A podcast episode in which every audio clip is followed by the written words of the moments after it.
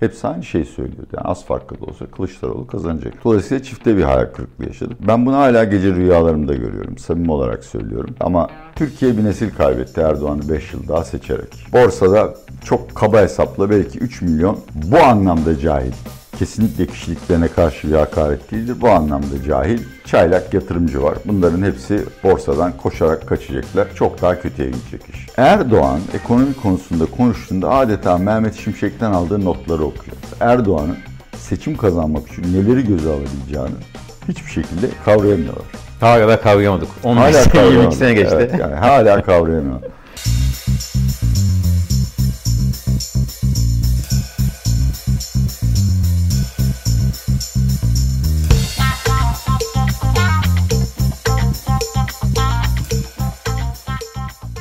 Atiye Bey merhaba.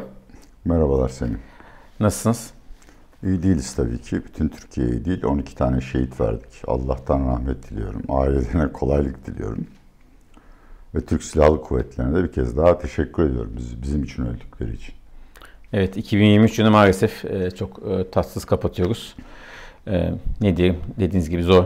Ateş düştüğü yakıyor.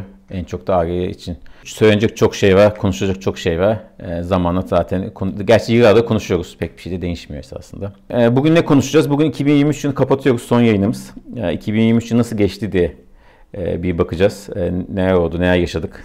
İyisiye kötüsüye onu konuşacağız. Tabii ki borsa. En çok e, konuşulan şu anda borsa. Geçen hafta biz onu başlık başta taşımıştık sizin borsaya ilgili söylediklerinizi. Bayağı ciddi bir düşüş yaşıyor. 7200'e kadar düştü biz bu çekim yaparken. Bir de son size birkaç e, Dün İsmail Saymaz'ı izledim. Sözcü'de seçimle ilgili kulisleri Ankara ve İstanbul'la ilgili AKP'nin adaylarını, orası adaylarını sıraladı. Onları size soracağım. Evet. Nasıl olur diye. İstiyorsanız önce borsaya başlayalım. En sıcak ki. gündem o. Tabii. E, Siz borsa konusunda uyarmıştınız. E, Siz uyardıkça borsa o dönem biraz yükseliyordu ve size çok da eleştiri geliyordu. Ama sonunda olan oldu mu? Sonunda olan oldu ve olacağı da çok belliydi. Hakikaten yani Atilla Eşyada'nın tecrübesine, okumuşluğuna yazmışlar. insanlar güvenmeyebilir. Burada bir sorun yok. Ama biraz uluslararası tecrübeleri tetkik etseler. Türkiye'de ikinci piyasada bir balon yok. Bir spekülatif bir şey, heyecan yok. Oradaki değerlemeler hala ucuz. Türkiye'de bir halka arz balonu vardı. Manya, manyaklığı vardı. Şimdi bunlar nerelerde oldu? Bu Amerika'da bu meme hisseleri dediği Reddit diye web sitesi var. Bayağı Evet. vahşi bizim ekşi sözlük gibi değil de hadi diyelim öyle. Orada böyle çeşitli platformlarda küçük yatırımcılar, bazı uzmanlar ya da işte abiler, ablalar gelip ya şuna girelim diyorlardı. Toplu halde peşinden koşuyorlardı. Stoklar, hisseler %200-300 yükseliyordu. Sonunda bitti olay ve herkes para kaybetti. Çin'de böyle durumlarda borsada değerlemeler aşırı arttığında ve hatta yatırım ilgisi fazla hale geldiğinde derhal halka arzlar durdurulur. Orada e, güçlü miktarda fon birikimleri olan kamu fonları var. Hisse senetleri satmaya başlarlar. Dengeleyici rol oynarlar. Normal bir piyasada da genelde kurumsal yatırımcı dediğim işte bizim yabancı dediğimiz kurumlar piyasa yapıcı ve dengeyi sağlayıcı rolü oynarlar. Yani bir malın değeri çok yükseldiyse satarlar. Düştüyse alırlar. Türkiye'de bunların hiçbiri olmadığı gibi uluslararası tecrübelerden ders almadık. İnsanlar borsaya teşvik edildi. Milyonlarca hiçbir tecrübesi olmayan insan geldi ve bunlar bilinçsizce ilk önce halka arzlar gidiyordu. Halka arzların peşine takıldılar. İkincisi onu da belki birkaç dakika sonra konuşuruz. Ben bunlara sendikalar diyorum veyahut da yani sendikasyon kelimesinden gelen gruplar oluşturuluyor. Bunlar tahta manipülasyonu yapıyorlar. Bunu geçen sene, geçen yok evvelki yazdı galiba. Evet. Evvelki yazda yaşadık. Şimdi bütün bunların hepsi çıkacak. Ve hakikaten keriz silkelemesi çok üzülüyorum. Borsada çok kaba hesapla belki 3 milyon bu anlamda cahil. Kesinlikle kişiliklerine karşı bir hakaret değildir. Bu anlamda cahil, çaylak yatırımcı var. Bunların hepsi borsadan koşarak kaçacaklar. Çok daha kötüye gidecek iş. Burada suçlu tamamen kamudur. Burada da SPK ile Borsa İstanbul İdaresi'ni ve MASA'yı kastediyorum. Hiçbir şekilde devreye girmediler. Teşvik edildi bu.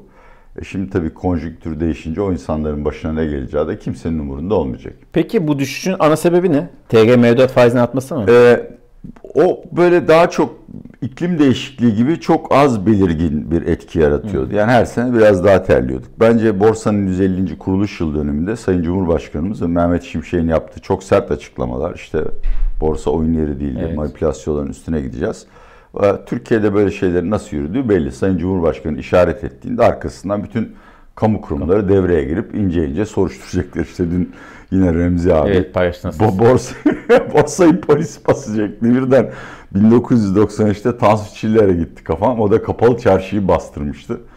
Bir anımı anlatmama Tabii müsaade ki, var. O zaman kanon menkul değerlerdeyim. Oradaki bütün eski dostlarıma da sevgilerimi sunuyorum. Bir de Matteo Almozino abi var. O da döviz yapıyor. Al al 2 milyon dolar al 2 milyon dolar al diyor. Karşıdan da sesi duyuyorum telefon. Abi polis geldi kovalıyor nasıl alayım diye. yani jopla kovaladı. Ama evet o cadde üstünde işlem yapanları. Sebep hangi gerekçeye? İşte bu şimdi o hikaye de enteresandır. Belki böyle bir günde anlatmakta fayda vardır. Tansu Çiller beyninin yarısını Osman Bey'e emanet etmişti. Osman Bey yurt dışından 9 milyar dolar dış kaynak buldu. Çünkü o zaman notumuz yine yatırım yapılır seviyeye yükselmişti. Tansu Hanım da o eş, eşsiz zekasıyla iç borcu döndürmek yerine o parayı iç borcu itfa etmekte kullandı. Yani dövizleri satıp devletin borçlanmasını azalttı. Piyasada akıl almaz bir likitte oluştu. Borsa çok iyi hatırlıyorum. 1993'ün Aralık ayındaydı galiba. O zaman sentle ya da dolarla ölçüyorduk. 2.02 dolara yani tarihi bir rekora yükseldi. Yine herkes borsaya koştu. Sonra tabii Patladı. döviz patlamaya başladı. Arkasından da %50 ile bono sattı. İşte o dönemde makul bir çare bulunamadığı için vay dövizde spekülasyon yapıyorlar diye zavallı işte traderlar dövüldü. Bu aslında Hazreti İsa döneminden başlayan bir gelenek para tüccarlarının dövülmesi. Ama sonuçta daha yolun başındayız ben size söyleyeyim daha çok daha kötüye. Daha önce de izah ettim. BIST 30, BIST 100'ün sahipliği farklı. Oralarda hala kurumsal yatırımcı var. Tabii, hem tabii. Türkiye'de küçük de olsa bir kurumsal yatırımcı tabanı var hem yurt dışından alım geliyor. Yani biz belki de bunu borsa endeksinde o kadar büyük hissetmeyeceğiz ama hisse bazında ya da alt indekslerde, küçük hisselerde, halka arz hisselerinde bahsettiğim sendikaların ya da grupların tuttuğu, bilinçli olarak, suni olarak yükseltmeye çalıştığı kağıtlarda çok ağır kayıplar yaşanacak. Evet, bu borsanın yükselişi e, Nurettin Nebati döneminde, Şarap Kavcıoğlu döneminde sürekli özellikle seçim öncesinde hani çok iyi bir şey işte borsa yükseliyor, rekor kırıyor, ekonomimiz iyi gidiyor yoksa borsalar şirketler bu kadar değerlenmez diye esasında bir siyasi kampanya dönüşmüştü. Tabii. E, bugün artık onu geride bıraktık değil mi? Yani sonuçta şunu da söylemek lazım. Mesela işte daha yine yeni yansıdı. Süleyman Soylu ve Nurettin Nebati el tutuşup mecliste gezmişler. Görmüşsünüzdür haber gene. İşte Mehmet Şimşek önceki ekonomi politikalarının tam tersini uygu- uyguluyor. Ama esasında parti, siyasi parti aynı. Ha. Yani bunu esasında söylemek lazım. Kesinlikle söylemek lazım. Yani alınacak çok fazla ders var. Ee, Birincisi gerçekten de hiçbir kural tanımadan o andaki menfaatlerine ne uygun geliyorsa rahatlıkla o konuyu manipüle eden bir iktidar var. Bugün de aynı şekilde şehitlerimiz üzerinden kan siyaseti yapılıyor ve bunu şiddetle, şiddetle temin ediyorum. O zaman öyleydi, şimdi böyle ve tabii ki toplumsal tepki çok zayıf olduğu için de bunlar rahatlıkla gidiyorlar. Tabii ki o zaman yani herkes borsaya yönlendirildi. Kısa vadeli bakış açısı açısından da mantığı vardı. Çünkü mevduatta hiç para yoktu. Yoktu. Konuta gitmesi istendi ki inşaat sektörü canlansın. Bir de dövize gideceğine borsaya gitsin. Yani para kazanabilecek tek yer orasıydı. O yüzden gelenleri ben hiç suçlamıyorum. Onlar yönlendirildiler. Şimdi çok enteresan bir döneme girdik. Bahsettiğin gibi pek çok şey değişti Türkiye'de. Sayın Yerlikaya bunlardan biridir. Umarım İstanbul Büyükşehir Belediye Başkanlığı falan aday gösterilmez. Görevinde kalır. İkincisi şuna dikkat ettiniz mi bilmiyorum. Erdoğan ekonomi konusunda konuştuğunda adeta Mehmet Şimşek'ten aldığı notları okuyor. Bunun ne önemi var? Ben çok YouTube videosu seyrediyorum. Saygıdeğer meslektaşlarım Mehmet Şimşek'le Gaye Erkan'ın e, seçim kazanmak için geçici olarak getirildiklerini maksat hasıl olunca görevden alınıp eski günlere döneceğimizi söylüyorlar. Bu kesinlikle doğru değil. En azından bu konuda yani objektif bir kanıt yok elimizde. E, en son soruya da geleyim ve bu seçim sonuçlarını da etkileyebilir. Birkaç milyon mağdur yaratacaklar ve bunların hepsi genç seçmen. Bu insanların öfkesinden korkmalarını talep ederim. Şimdi tabii ki bir miktar borsada bu bir halka arzlar artık durdurulsun. Evet, Yani, ama öyle yani. her şeyden önce PTT önceliği ele alarak e, herkese yol göstermek açısından ertelesin halka arzını. İkincisi tabii ki çok ciddi bir soruşturma yapılsın. Yani gidip YouTube influencerların vergi kaçağını bulanlar nedense bir manipülatörü yasaklıyorsun, ablasının, kardeşinin adına hesap açıyor, ona mani olamıyorsun. Yani bu inanılabilecek bir şey değil. Üçüncüsü de borsada paniği ve e, milyonlarca vatandaşın hak etmediği halde zarar görmesini engellemek için işte servet fonu filan ve kamu bankaları devreye girip e, alımlar yapmalı fiyatlar çok düştüğü zaman. Serbest piyasa mekan mekanizmasına ihanet diyebiliriz ama serbest piyasa ekonomisini çoktan gömdük biz Gömdük yani. yani. gömdük. Evet.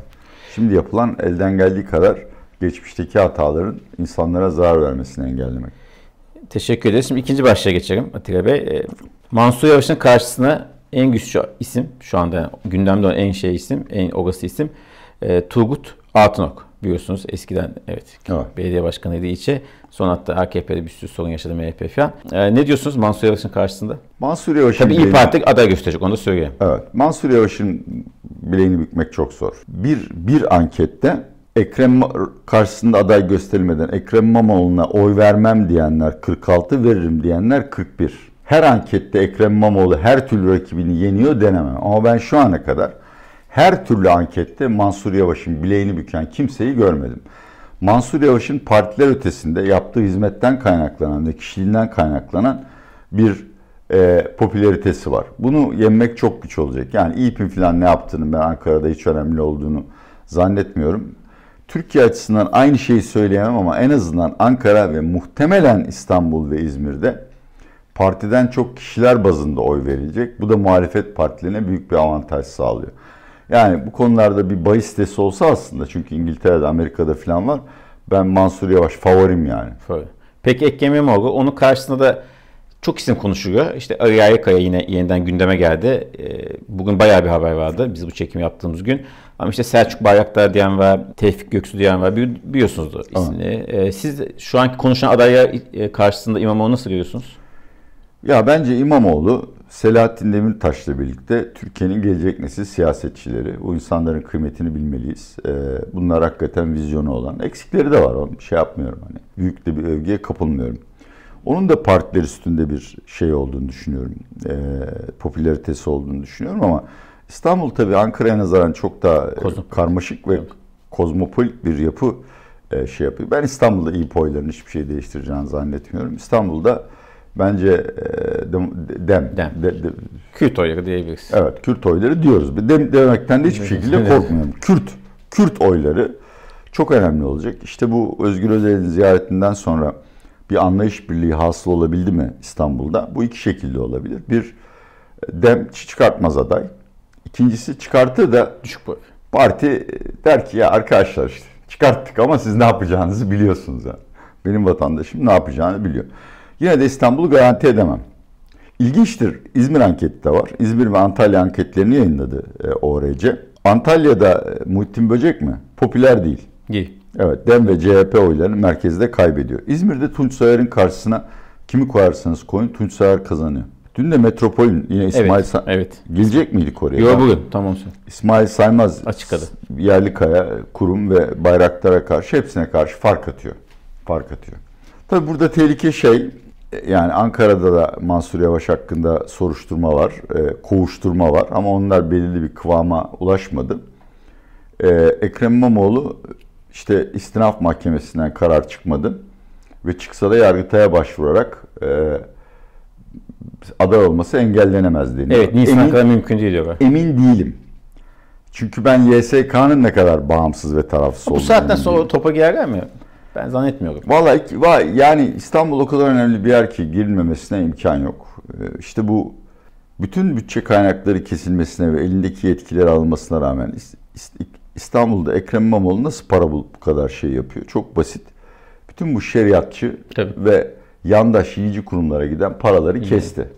Ee, şimdi bu da tabii AKP'nin İstanbul'daki popülaritesini azaltıyor. Bu yüzden ben her zaman yani İzmir'de miyim ama Antalya, Adana, Bursa ve İstanbul'un AKP açısından çok daha önemli olduğunu düşündüm.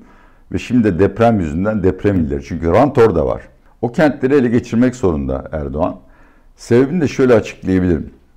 Merkezi bütçeden rant dağıtmak gittikçe zorlaşıyor. Yok öyle bir para kalmadı artık. Ama kentler vasıtasıyla hediyeler, işte bağışlar, belli hizmetlerin ihalesiz verilmesi çok ciddi bir şekilde tabanı pekiştiriyor. O yüzden açıkçası ben ya çok basit bir senaryo söyleyeyim. İçişleri Bakanı çıktı istiraf mahkemesi kararından sonra ben görevden alıyorum dedi. Kim kim mani olacak? Bunu insanlar pek iyi kavrayamıyorlar. Erdoğan'ın seçim kazanmak için neleri göze alabileceğini hiçbir şekilde kavrayamıyorlar. Hala kavrayamadık. 15 Hala sene, 22 kavrayamadık. sene geçti. Evet, yani hala kavrayamıyor. Sevgili Cumhurbaşkanımız 20 yıldır bütçe disiplini son derece yüksekti. Bütçeye tasarrufa inanan bir insandı. Milli gelirin %4'ü kadar para harcadı, seçmeni doyurdu. Öyle seçim kazandı. Biz hala anlayamadık bunu neler yapabileceğini. Zaten konuşacağız. 2024'ün ilk 3 ayında sık sık seçim konuşacağız. Bir de bu şey tabii yani tesadüf müdür bilmiyorum ama PKK atakları hep seçimlerden önce başlıyor. Yani korktuğumdan değil yani PKK kanlı bir terör ve uyuşturucu madde örgütü olduğu için bunu hükümet başlattı ya da provoke etti diye bir şey söylemiyorum. Çünkü buna samimiyetle inanmıyorum. Karşımızda vahşi bir örgüt var ama Evet, bir de kesildiğin bıçak gibi kesiyor. Evet aniden nedense yani ben Süleyman Soylu'yu çok severim. O da biliyorsun odamda posteri vardı. Tabii, tabii, Tal büyük. Bayrak'la birlikte. Ya yanlış mı hatırlıyorum? Çünkü yaşlanıyor. Hafızam yanılıyorsa düzeltin beni. Kendisine de ithamda bulunmuş olmayayım. Türkiye'de 20-30 terörist kaldı. Biz bunların ayakkabı Bunun numarasına kadar kadar biliyoruz dememiş miydi? Evet demişti. Demek Ama tabii son bu e, şehitliği verdiğimiz şey ülke dışında. Onu ya söyleyeyim. ben, Yani ben yani evet, tamam o ama o konuşmanın devamını da biliyorum. Tabii. Kandil boşaldı. Artık tabii, orada tabii, tabii. kimseyi bulamıyoruz. Irak'taki kamplarını terk ettiler. Yani Türkiye'nin Irak'ın kuzeyi ve Suriye'nin kuzeyi nüfuz alanıdır. Orada terör örgütü barınmasına müsaade edemez. Hiçbir itirazım yok. Ama TSK uzmanlarına da danışın. Bu iş sırf dağda militanları vurarak, pasifize ederek, nötralize ederek çözemezsiniz kardeşim. Diyelim ve 2023'ün nasıl geçtiğini size kısaca konuşalım. Ne aklınızda kalacak belki buna 200 sene sonra 2023 dediğimde? Aklınızda ilk ne gelecek? Valla seçim gecesi gelecek. Çok büyük bir hayal kırıklığıydı. Tabii ki ben yani Sayın Kılıçdaroğlu'nun ve Altılı Masa'nın kazanmasını istiyordum. Ama kendimi kandırmamaya çalıştım. Ben 2015 yılından beri e, seçimleri anket ortalamalarıyla takip ediyorum. Ve bir kere yanıldık. İşte bu ikinci Kasım seçiminde çünkü PKK Evet, endeks. Yani anketler sahadaki gelişmeleri yansıtamadı. Bu sefer artık yani kimse şu Sayın Metropol'ün sahibinden, Özer Sencer'den, Bekir Ağırdır abimize kadar herkes, e, İbrahim Uslu çok tanınan isimler. Hepsi aynı şeyi söylüyordu. Yani az farklı da olsa Kılıçdaroğlu kazanacak. Dolayısıyla çifte bir hayal kırıklığı yaşadık. Bu bence ben bunu hala gece rüyalarımda görüyorum. Samimi olarak söylüyorum. Allah şükür benim ailemin sağlığı, keyfi yerinde ama Türkiye bir nesil kaybetti Erdoğan'ı 5 yıl daha seçerek. Bu bence en önemli olaydı. Ha bu kadar eleştirdim. Arkasından Mehmet Şimşek'i getirip ne yaparsan yap al burası senin demesi bence ikinci büyük mucizeydi. Çünkü samimiyetle söylüyorum. Ben artık yani dükkanı kapatacağız çünkü kim Türkiye ile ilgilenir diye düşünüyordum. Bu konuda da tebrik ediyorum kendisini samimi olarak. Dış politikada e, Ukrayna Savaşı e, açıkçası beni çok şaşırttı. Bu şaşırtan da cephede savaşın tıkanması değildi. O, onu zaten baştan beri biliyordum yani. İki tarafta birbirinin topraklarını işgal edemez. Ama Putin haklı çıktı abi. Batı yine vazgeçti. Yani bir deyim vardır. Kavgayı başlatmak değil bitirmek mühimdir diye. Ulan başlatıyorsun bitir. Şimdi bak Avrupa Macaristan yüzünden ayak sürüyor. Amerika'da Cumhuriyetçiler ve Trump Ukrayna'ya yardım etmek istemiyorlar. E şimdi şu soruya da kimse cevap aramıyor. Peki Putin Ukrayna'yı işgal etti. Orada duracaksa tamam verelim gitsin. 1938'de Richard Chamberlain da aynı şeyi söylemişti İngiliz Başbakanı. Buna appeasement yani şey yapmak, hoş tutmak veyahut da rüşvet vermek deniyor. Arkasından Polonya ve İkinci Dünya. Savaşı başladı. Putin gibi ihtiraslı diktatörleri durdurmak imkansız. Bu yüzden Batı'nın bu konuda cayması e, hakikaten bütün Avrupa'nın güvenliğini tehlikeye atar. Ve pek de iyi anlaşılamayan bir nokta var. Bunun çok tarihi bir şey olduğunu düşünüyorum. Geçmişe baktığımızda Rusya'nın kendini güçlü hissettiği dönemlerde en önemli önceliklerinden birinin Karadeniz ve Boğaz üzerindeki hükümranlığı elde etmek olduğunu söylemiştir. Türkiye'de komünizm karşıtlığının Stalin'in 2. Dünya Savaşı'ndan sonra Kars ve Boğazları istemesiyle başladığını unutuyor insanlarımız. Dolayısıyla şu anda olan dostumuz olan Rusya'nın yarın ne yapabileceğinden emin değiliz. Üçüncüsü Gazze Savaşı. Oradaki tabii ki insanlık faciası, jenosit yani. Şu anda jenosit yaşanıyor yani. Başka türlüsünü söylemek imkansız. Ama Hamas'ın niye durup dururken İsrail'e saldırdığı, o da vahşi bir saldırı. Onu çözmeye uzun zaman harcadım ve şu kanaate vardım. Hamas son kozunu oynadı. Çünkü Hamas eğer bu saldırıyı yapıp bütün dünyanın gözünü Gazze'ye ve Filistin davasına çevirmeseydi bütün Arap ülkeleri İsrail'i tanıyıp Filistin konusuna hiç değinmeden kendi aralarında işbirliği, ticaret ve Yapacak. askeri malzeme ticaretine başlayacaklardı. Evet. Peki 2023'te tabii en çok damga vuran madde maalesef deprem oldu. Onda yıl çok az kaldı. Sonrasında yaşanan süreci zaten seçimle de birleşti. Hepimiz yaşadık. Çok yakın çünkü çok yakın geçmiş. Ee, nasıl görüyorsunuz? Biz neredeyse senesi doluyor. Uzun süre bu yayınlarda her zaman izleyicilerimizden deprem bölgesine bağışlarını esirgemelerini rica ettik ama artık bir, bir süre sonra tekrarlamak anlamsız hale geldi. Deprem bölgesinde hiçbir şey değişmedi. İnşaatların falan yapıldığı yok. Çok basit bir nedenden dolayı bugünkü enflasyon ortamında hiç müteahhit sabit fiyatla ihaleye girmez.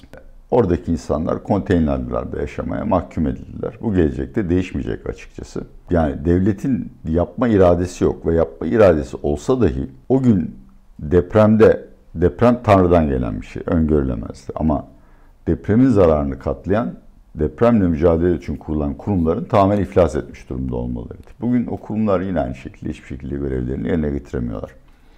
Ama orada da işin en ilginç tarafı o bölgedeki insanlar yine AKP'yi tercih ettiler.